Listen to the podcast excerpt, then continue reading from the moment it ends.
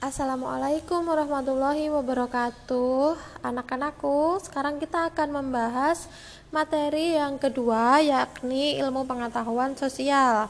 Masih dalam kompetensi dasar 3.2 Menganalisis bentuk-bentuk interaksi manusia dengan lingkungan dan pengaruhnya terhadap pembangunan sosial, budaya, dan ekonomi masyarakat Indonesia Kemarin kita sudah membahas bentuk interaksi manusia dengan lingkungan dan juga manusia dengan sesama manusia.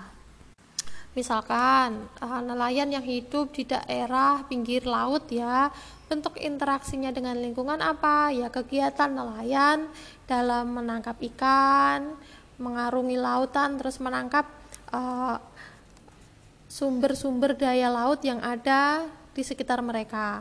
Lalu bentuk interaksi manusia dengan sesama manusia apa? Saat mereka sudah mendapatkan hasil dari laut, lalu mereka bawa lagi ke daratan dan mereka jual.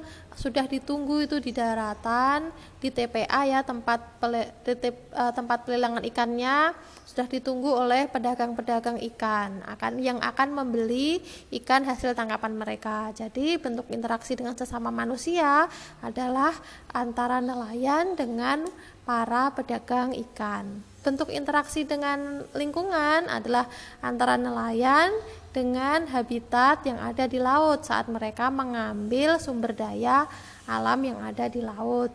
Misalkan berupa ikan, bisa juga rumput laut, bisa juga terumbu, bisa juga uh, mutiara, kerang dan lain-lain ya. Jadi itu adalah bentuk interaksi manusia dengan lingkungan dan juga bentuk interaksi manusia dengan sesama manusia. Nah, dalam perkembangannya, bentuk interaksi manusia dengan lingkungan dan juga bentuk interaksi manusia dengan sesama manusia itu menimbulkan uh, kemunculan perkumpulan-perkumpulan atau organisasi yang ada hubungannya dengan lingkungan dan interaksi dengan sesama manusia. Di sini dicontohkan ada perkumpulan petani pemakai air atau biasa dikenal sebagai P3A yaitu perkumpulan petani pemakai air. Nah, organisasi P3A ini merupakan sebuah contoh pembangunan sosial budaya disebut sosial karena tumbuh dan berkembang dalam kehidupan masyarakat. Disebut budaya karena ada di dalamnya terdapat ide atau gagasan yang bisa mewujudkan eh, yang merupakan warisan dari generasi sebelumnya. Ini adalah yang mendasari pembangunan sosial budaya yang memang dirancang untuk meningkatkan taraf hidup masyarakat di dalamnya.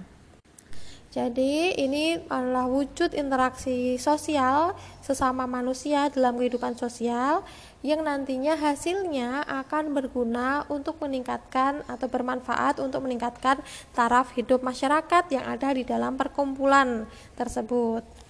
Tentunya dapat memanfaatkan lingkungan dengan lebih efektif dan lebih baik. Nah, sebenarnya organisasi itu apa toh? Organisasi sosial itu merupakan wadah yang mendukung individu-individu yang diundang sebagai anggota setiap tindakan atau dalam pertemuan setiap anggotanya diorganisir dan umumnya memiliki tujuan dan aturan yang telah disepakati bersama. Adapun tujuan organisasi sosial antara lain bertujuan untuk saling setuju atau silaturahmi dengan tujuan sebagai media berbagi, berbagi antar anggota, bertujuan mencapai suatu yang ditargetkan, memiliki target sebagai target bersama atau tujuan bersama. Bertujuan menjalin relasi yang lebih luas dan dengan tujuan membantu sesama ya, sesama anggota dalam organisasi. Adapun unsur-unsur organisasi sosial antara lain sebagai berikut.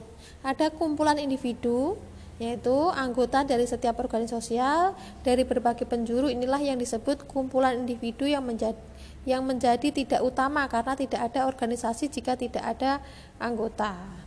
Ya, itu menjadi unsur utama maksudnya. Adanya individu-individu itu merupakan unsur utama dari uh, suatu organisasi. Lalu adanya interaksi sosial, maksudnya sebagai media setiap anggota untuk saling bertukar pikiran, bekerja sama, saling membantu, dan saling berkomunikasi antar satu anggota dengan yang lainnya. dan juga mencegah perpindahan miskomunikasi. Itu adalah contoh bentuk perkembangan interaksi sosial yang ada di masyarakat dengan munculnya organisasi-organisasi. Nah, di halaman berikutnya itu adalah uh, di halaman 94 itu ada contoh keberagaman sosial budaya, baik itu keberagaman suku, bahasa, rumah adat, pakaian tradisional, senjata tradisional, makanan khas, upacara adat, kesenian, dan keragaman religi itu sudah pernah kita bahas di subtema 2. Uh, jadi di sini tidak akan dibahas lagi ya. Sekarang kita move ke manfaat keragaman sosial budaya. Nah, apa manfaat keragaman sosial budaya? Yang pertama, dapat menarik para wisatawan asing dalam negeri untuk berkunjung, mempererat rasa persatuan dan kesatuan, memperkaya budaya bangsa, memperluas wawasan masyarakat tentang keanekaragaman sosial budaya, meningkatkan ketertarikan wisatawan domestik dan mancanegara untuk mengunjungi Indonesia. Itu adalah uh, pembahasan tentang organisasi atau perkumpulan ya uh, perkumpulan sosial budaya yang berkembang di tengah-tengah masyarakat kita.